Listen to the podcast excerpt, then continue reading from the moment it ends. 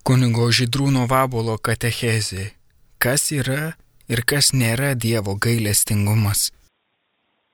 Garbėzui Kristui, Kristus prisikėlė, iš tiesų prisikėlė, broliai seserys, sveikinu jūs visus su šventomis Velykomis Kristaus prisikėlimo švente.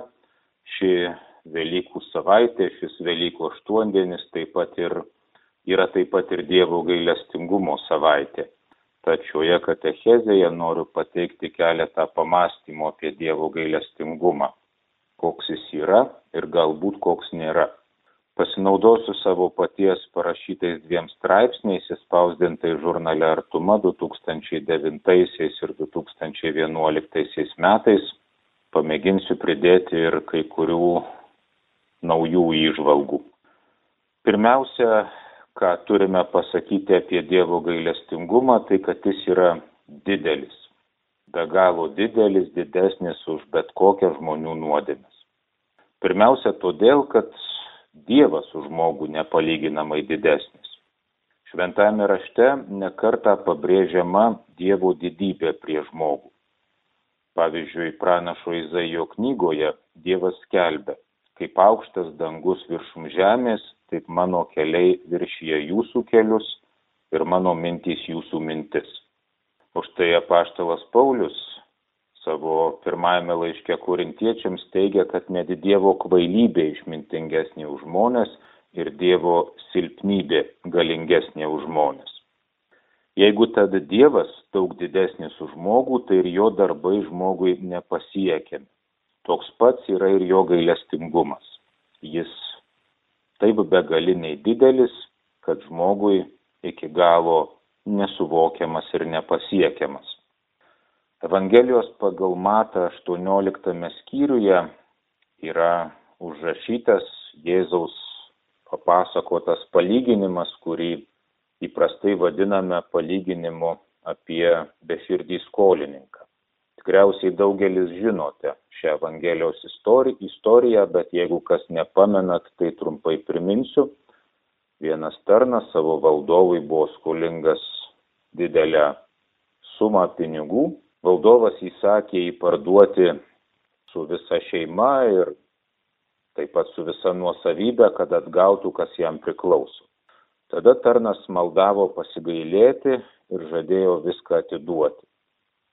Noriu paminėti, kad skola, kuri yra įvardinama Evangelijos tekste, yra 10 tūkstančių talentų.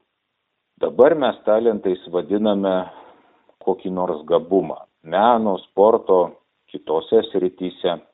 Tačiau šiaip talentas buvo pinigas ir labai didelis pinigas tiesą sakant nemanau kad kuris nors iš jūsų mieli klausytojai turit bent vieną talentą. Talentas tai buvo apie 35 kg aukso. Taigi tarno skola siekė 350 tonų aukso. Tai tiesiog pasakiška, milžiniška suma. Aišku, šita suma netikra, jinai simbolinė. Jėzus ją tokią pasako, norėdamas parodyti, kad tarnas buvo prasiskolinęs valdovui neįmanomai daug. Tiek, kiek žmogui sunku prasiskolinti ir turbūt neįmanoma gražinti. Gal graudžiausiai atrodo šitos skolos akivaizdoje tarno pažadas valdovui turėk man kantrybės, aš tau viską atiduosiu tai labai geras pavyzdys kaip atrodo žmogaus pastangos pačiam atitaisyti savo padarytą blogį pačiam susitvarkyti su nuodėme. Visiems aišku kad tas tarnas nesugebės tokios skolos atiduoti ir kad tokie jo pažadai atrodo ir juokingai ir graudžiai. Tačiau valdovui skirtingai negu tarnui šitas skolos dydis, šita suma nėra jokia problema. Paprašytas jis skolą tiesiog atleidžia. Švento rašto tekstas trumpas ir konkretus. Pasigailėjęs anu tarno, valdovas paleido jį ir dovanojo skolą. Palyginimas žinoma tęsiasi toliau apie tai, kaip tas tarnas, kuriam buvo atleista, paskui nenorėjo atleisti savo tarnybos draugui daug mažesnės skolos, bet mums dabar įdomi šita pirma palyginimo dalis, apie kur, kurią aš perpasakojau. Ir šituo palyginimu Jėzus nori parodyti, kad Dievo gailestingumas nepalyginti didesnis už žmogų ir už žmogaus kaltę ar nuodėmę. Viena iš priežasčių, kodėl žmonės kartais bijo eiti iš pažinties, tai mano, kad Dievas jiems negali atleisti, kadangi jie jų žodžiais padarė labai didelę nuodėmę. Kartais ta nuodėmė būna tik įsivaizduotai didelė. Štai pamenu, vienas kunigas pasakojo, kad pas jį buvo atėjęs vaikas, kuris, na kaip vaikas, vis tiek nori pasipasakoti, bet jis buvo įsitikinęs, kad Dievas jam negali atleisti, nes jo nuodėmė tiesiog mirtina, jis buvo nuskriaudęs kačiuką ar kažką panašaus. Kartais nuodėmės, aišku, būna ir rimtesnės negu šio vaiko, kartais jos būna iš tiesų didelis ir sąžinė tuos žmonės graužia ne veltui. Kai tokie žmonės ateina ir sako, kad jiems Dievas turbūt netleis, tai mėginu juos guosti ir perkalbėti švelniais žodžiais, įtikinti, kad Dievas tikrai atleidžia, kad jam ne problema. Bet kartais, prisipažinsiu, siekdamas paskatinti žmogų susimastyti, šiek tiek pašaipiai su tokia lengva pašaipa sakau, gerbiamasis, o kodėl jūs toks išpuikęs, kad galvojat, jog galit padaryti nuodėmę, kuri būtų didesnė už Dievo gailestingumą. Tokios nuodėmės mes tikrai padaryti nesugebėsim. Mes nesugebėsim padaryti kažko, ko Dievas negalėtų atleisti. Dėl to galim būti ramus. Jeigu mūsų nuodėmė ir atrodo, arba yra tokia didelė kaip šito Evangelijos tarno skola, tai Dievui ji tik menkniekis. Čia mums ji atrodo didelė, o Dievui ji tik menkniekis. Kažkuris iš bažnyčios tėvų, tai yra iš pirmųjų amžių viskupų, kartą palygino Dievo gailestingumą su jūra, o mūsų nuodėmę su sauja smėliu. Jisai sakė, išberk savo nuodėmes į Dievo gailestingumo vandedyną ir jų neliks neženklo.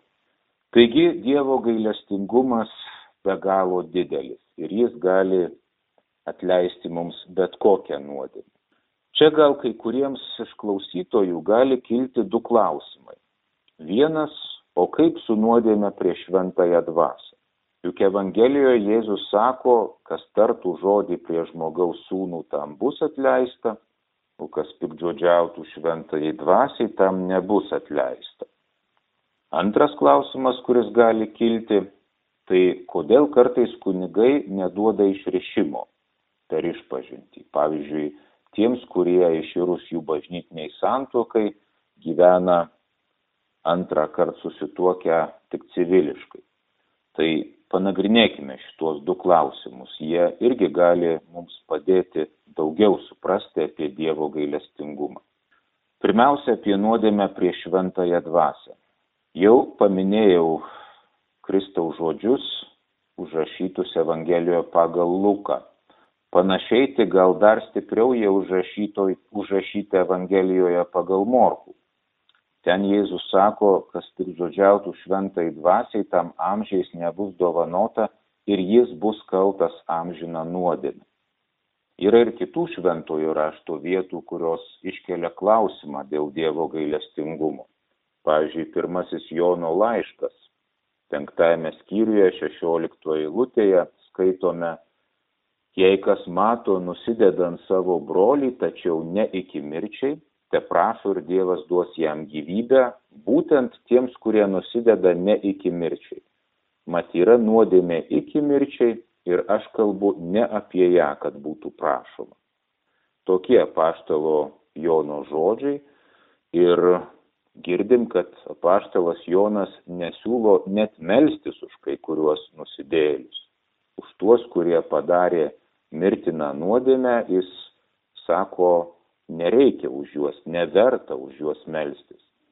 Tokie apaštalo žodžiai dar labiau sustiprina įspūdį, kad kai kurie nusidėliai, kai kurios žmonių padarytos nuodėmės yra beviltiškos ir jos negali būti atleistos. Čia metas įvardinti dar vieną Dievo gailestingumo savybę. Jis yra gerbiantis mūsų laisvę.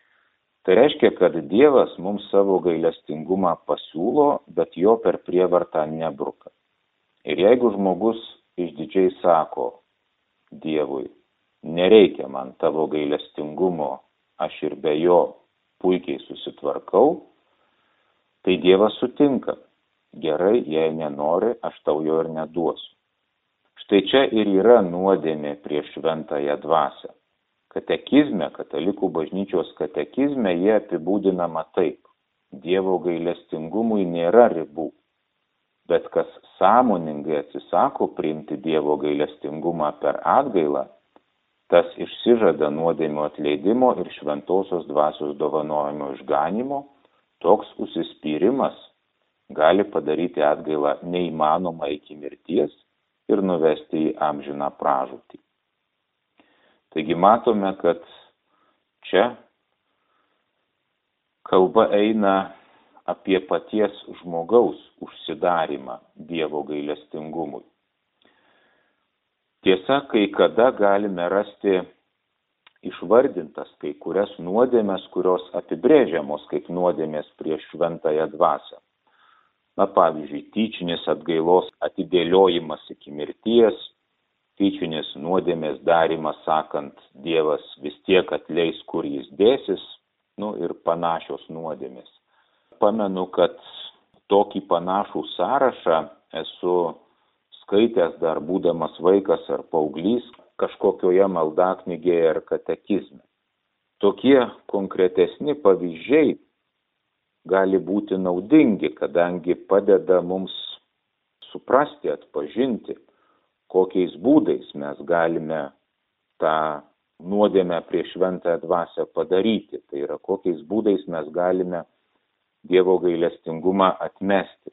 Tačiau visų šitų konkrečių pavyzdžių esmė ta pati kad žmogus pats atsisako Dievo gailestingumo ir jam siūlomų išganimų. Ir tada Dievas negali žmogui atleisti. Ne todėl, kad Dievui neužtektų gailestingumo arba kad jis būtų per mažas, bet todėl, kad Dievas gerbė žmogaus laisvę ir apsisprendimą. Tačiau prisiminkime, Dievas kad ir atstumtas, niekad nenustoja toliau savo gailestingumą siūlyti. Ir kol esam šioje žemėje, niekad nevėlu savo nuomonę pakeisti ir Dievui atsiverti. O jis tik ir laukia tokios akimirkos, kad galėtų mums atleisti. Todėl net jei kas tyčia atidėliotų išpažinti ir atgailą iki mirties, bet paskutinę akimirką visgi atsiprašytų Dievo nuoširdžiai, pabrėžiu, nuoširdžiai, ne iš išskaičiavimų, kad štai atidėliojau, atidėliojau ir dabar atėjo laikas, nu tai kągi jau atsiprašysiu, nes vis tiek gyvenimas baigėsi. Ne taip, bet jeigu gyvenimo pabaigoj atsiprašytų Dievo nuoširdžiai, supratęs ir pripažindamas, kad blogai darė, atidėliodamas atgailą. Tai toks žmogus Dievo gailestingumo tikrai susilauktų. Kitas minėtas klausimas, kuris gali kilti, jei Dievo gailestingumas didelis, tai kodėl kunigai per išpažinti kartais neduoda išrišimų. Dažniausiai išrišimo negalima duoti dėl šeštojo Dievo įsakymo pažeidimų. Tai yra, kai katalikai gyvena kaip šeimoje, tačiau arba iš vis nėra susituokę, arba susituokę tik civiliškai, bet ne bažnytiškai. Tam kad gautum Dievo atleidimą, reikia už nuodėmę nuoširdžiai gailėtis ir pasiryšti nebenusidėti. Vyras ir moteris kartu gyvenantys šeiminį gyvenimą be santokos sakramento to dažniausiai pažadėti negali. Taigi jie viena vertus kaip ir išpažįsta, kad gyvena nuodėmėje, bet kita vertus nesiruošia kaip nors su ją tvarkytis. Kad būtų lengviau suprasti, kodėl tokioj situacijoje nėra teikiamas išrišimas, įsivaizduokime žmogišką situaciją. Vedęs vyras įsimylė kitą moterį ir būna su jie neištikimas savo žmonai. Tada jį užgraužia sąžinė ir kitą rytą jis ateina pas savo žmoną ir sako, mėloji, žinai, turiu tau pasakyti svarbų dalyką, buvau tau neištikimas su kita moterim ir labai dėl to gailiuosi ir už tai atsiprašau. Prašau tavo leidimo, tačiau žinok, kad ir toliau ruošiuosi su ją bendrauti. Kaip atrodo, ar žmona tokį atsiprašymą priimtų? Turbūt sutiksime, kad normaliai tikrai nepriimtų. Turbūt sakytų, žinai ką, mielas vyrelį, jei nori, kad tau atleiščiau, tada stenkis daugiau taip nebedaryti. Bet jeigu rengiesi tuos santykius tęsti, tai tada ko vertas tavo atsiprašymas. Tai štai panašiai yra ir su Dievu. Jeigu prašome jo atleidimo, tai turime pasiryšti daryti viską, kas nuo mūsų priklauso, kad nuodėmės nebekartotume. Jei to nesiryštame, ar galime sakyti, kad Dievo gailestingumo prašome nuo širdžiai? Ar nestatome tada Dievo į panašią padėtį, kaip tas neištikimas vyras savo žmonoms, sakydami Dievui, na, tu man atleisk, o aš ruošiuosi toliau nuodėmėje gyventi nieko nekeisdamas. Taigi, čia vėl eina kalba ne apie Dievo gailestingumo dydį, tarsi jo nepakaktų atleisti tokioms nuodėmėms Kalba eina apie paties žmogaus nepasirengimą Dievo gailestingumui priimti. Aišku, ši tema yra labai jautri ir čia gali būti daug įvairių situacijų, kurių visų šioje katechezėje tikrai neišnagrinėsiu, nes tai nėra mūsų pokalbio tema. Bažnyčia tikrai nepasmerkia gyvenančių antroje santokoje amžinai pražučiai.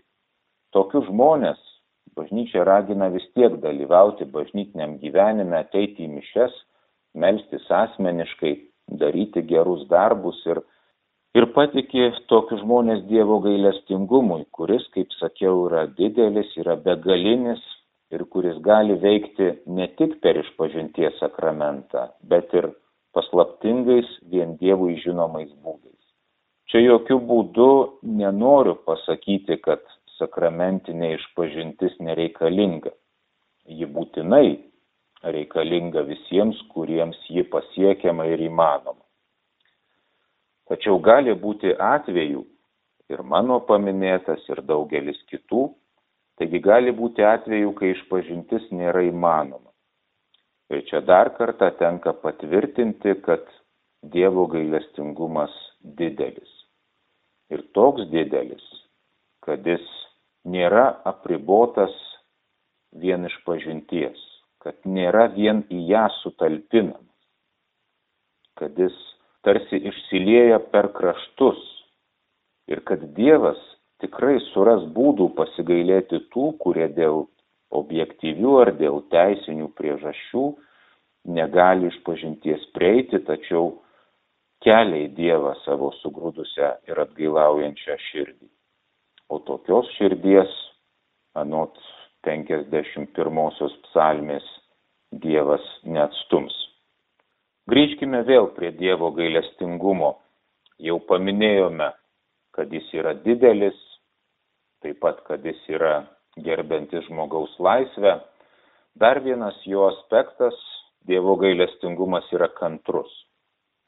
Mano jau minėtą palyginimą apie apie beširdį skolininką Evangelijos pagal Matą 18 skyriuje Jėzus pasakė po to, kai apaštalas Petras jau užklausė, kiek kartų reikia atleisti savo broliui. Tas klausimas nėra toks jau kvailas, jis nėra lauštas iš piršto, bent dėl poros dalykų. Pirma, Sename testamente pranašo Moso knygos pirmame antrame skyriuose Dievas žada neatleisti įvairioms tautoms dėl trijų ir keturių nusikaltimų.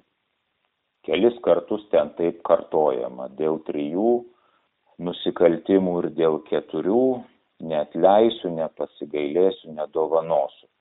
Kai kurie rašto aiškintojai Jėzaus laikais šį tekstą aiškindami teigė, kad ir reikia atleisti tiek kartų, kiek paminėta toje pranašystėje. Tai yra iki trijų arba iki keturių kartų, na daugiau daugiausia iki septynių kartų. Jeigu tris ir keturis sudėtume, išeitų septyni. Galbūt apaštalas Petras buvo tokius pamokymus girdėjęs ir pasidomėjo, o kągi tuo klausimu mano jo mokytojas Jėzus Kristus. Antra, Petro klausimas galėjo kilti ir iš paprasčiausios žmogiškosios patirties. Žmogui tikrai yra sunku atleisti daug kartų tą patį nusižengimą. Mes kartais būna lengviau atleidžiam labai didelį nusikaltimą ar grubę nuodėmę padarytą vieną kartą. Bet kur kas sunkiau būna atleisti mažus, tačiau vis pasikartojančius prasikaltimus. Ar bandėte, kas iš jūsų, mėly klausytojai, kada nors atleisti už tą patį bent septynis kartus? Nesakau septyniasdešimt septynis, kaip e, atsakė Jėzus Petrui kai Petras jo klausė, kiek kartų turiu atleisti savo broliui ar iki septynių kartų, Jėzus sakė, aš nesakau tau iki septynių, bet iki septyniasdešimt septynių kartų. Tačiau ką jau čia kalbėti apie 77 arba ką jau čia kalbėti apie tai, kad visada reikia atleisti, nes būtent tą reiškia Jėzaus pasakymas 77 kartus. Pabandykim pradžiai atleisti septynis ir pamatysim, kad tai nėra taip paprasta. Dažniausiai kantrybės užtenka iki kokio trečio, ketvirto karto, paskui ji baigėsi. Žinoma, čia gal kai kurie žmonės, pavyzdžiui, sutuoktiniai arba tėvai, dabar galvojate ir, ir galite pasakyti, kad o, aš tai savo vyrui ar žmonai ar savo vaikams atleidžiu daug kartų tą patį. Nesiginčiu, gal ir taip, tačiau kita vertus manau, kad kartais labiau mes tiesiog su kito žmogaus nuodėmė susitaikom, prie jos priprantam ir nebekreipiam į ją dėmesio.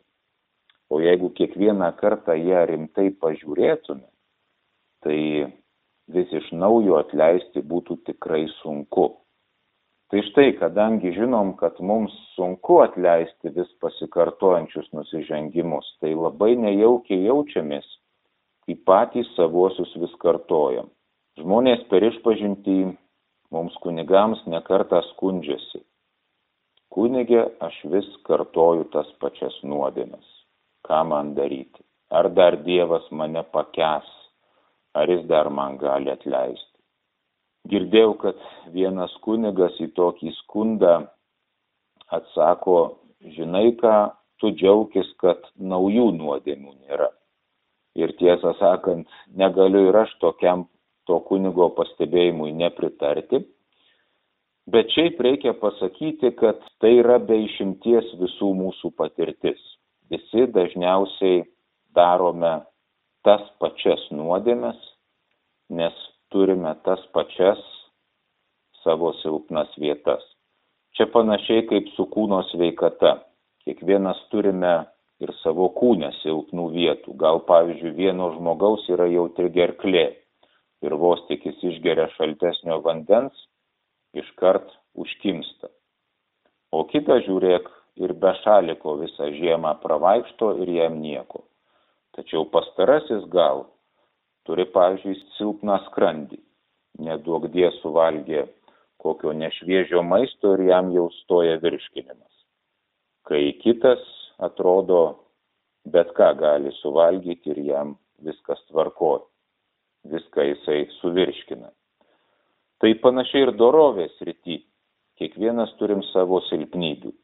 Vienas gal lengviau pasiduoda nesažiningumui, kitas silpnas dėl tinginystės, trečias gašlume neatsparus, ketvirtas labai lengvai persivalgo ir taip toliau. Piktasis šitas mūsų silpnas vietas žino ir mus juose gundo. Jis gundo mus būtent juose. Na ir mes mažiau ar daugiau kartų vis tiek jo pagundoms pasiduodam. Po to dažnai baisu ir gėda ateit pas nuodėm klausy, ypač jeigu tai asmenis nuodėm klausys, kuris mus pažįsta, jau nekarta tas nuodėmės yra girdėjęs ir tada atrodo, ką apie mane pagalvos. Prisimenu ir aš kartą taip jausdamasis nuėjau išpažinti tų pačių nuodėmių pas kunigą, pas kurį tuo metu nuolat vaikščiau iš pažinties. Ir nors tikrai bijojau, ką jis pagalvos ir ką man pasakys, ir taip nejaukiai jaučiausi, kad vėl nusidėjau tais pačiais dalykais, bet nustebau, kad mano nuodėm klausys, net į tai ypatingo dėmesio neatkreipė. Kažką trumpai paaiškino, padrasino ir davė išrišimą. Ir nenustebo, nepasipiktino, kad aš vėl tas pačias nuodėmės padariau. Ir tai išpažintis man kažkaip išliko kaip galbūt toks nušvitimas ar pradžia įsisamoninimo, kad Dievo gailestingumas yra ne tik didelis, kad jis yra ir kantrus, kad jis nėra vienkartinis, bet besitęsiantis. Ir nereikia bijoti Dievui išpažinti savo vis pasikartojančių nuodėmių. Nereikia bijoti, kad nuodėmės kartojasi. Dievo gailestingumas irgi kartojasi ir Dievui nenusibos atleisti gal pirmiau mums nusibos nusidėti, negu jam atleisti. Dar vienas dalykas. Dievo gailestingumas yra teisingas. Žmogiškai kartais manom, kad atleisti reiškia pamiršti, kas buvo. Apsimesti, kad nieko blogo neįvyko, kad viskas tvarkoja. Toks apsimetimas būtų neteisybė. Sakykime, jeigu kažkoks bičiulis mane išdavė, tai apsimesti, kad to neįvyko, kad jis manęs neišdavė, būtų tiesos iškraipimas, būtų melas. O Dievas niekaip nesiderina su melu. Dievas nemeluoja, jis lieka tiesoje. Todėl Dievas nuodėmių neužmiršta. Jis jas atleidžia. Atleidžia, bet nevaidina, kad jų nebuvo. Neapsimetinėja, kad nieko neįvyko. Ir iš tiesų tik toks atleidimas yra tikras ir tik taip atleisti yra tikra. Ir tarp kitko tai kur kas sunkiau nei paprasčiausiai pamiršti, kas buvo. Nes pamiršti tai tarsi ištrinti iš savo gyvenimo ir iš savo atminties. O kai ištrini tai, už ką reikia atleidimo, tai tada ir atleidimo nebereikia, nes nebėra už ką. Vienas prancūzas vardu Timas Gvenaras, dviejų knygų autorius, žmogus vaikystėje patyręs labai daug skausmo ir blogio iš savo tėvų ir paskui paauglystėje jų nekentęs, kai buvo paauglys, tai viena didžiausių jo svajonių buvo nužudyti tėvą, tačiau vėliau jis pats patyrė meilės ir atrado tikėjimą ir pamažu sugebėjo tėvui atleisti, tai štai savo knygoje Viltis iš gatvės jis rašo, atleisti tai ne ištrinti ar pamiršti praeitį, o sugebėti gyventi su ją. Ne ištrinti ar pamiršti praeitį, bet sugebėti su ją gyventi. Ir štai Dievas tą tikrai moka. Jis atleidžia iš tiesų. Jis yra iš tiesų gailestingas. Girdėjome kunigo Židrūno Vabulo katechezę tema, kas yra ir kas nėra Dievo gailestingumas.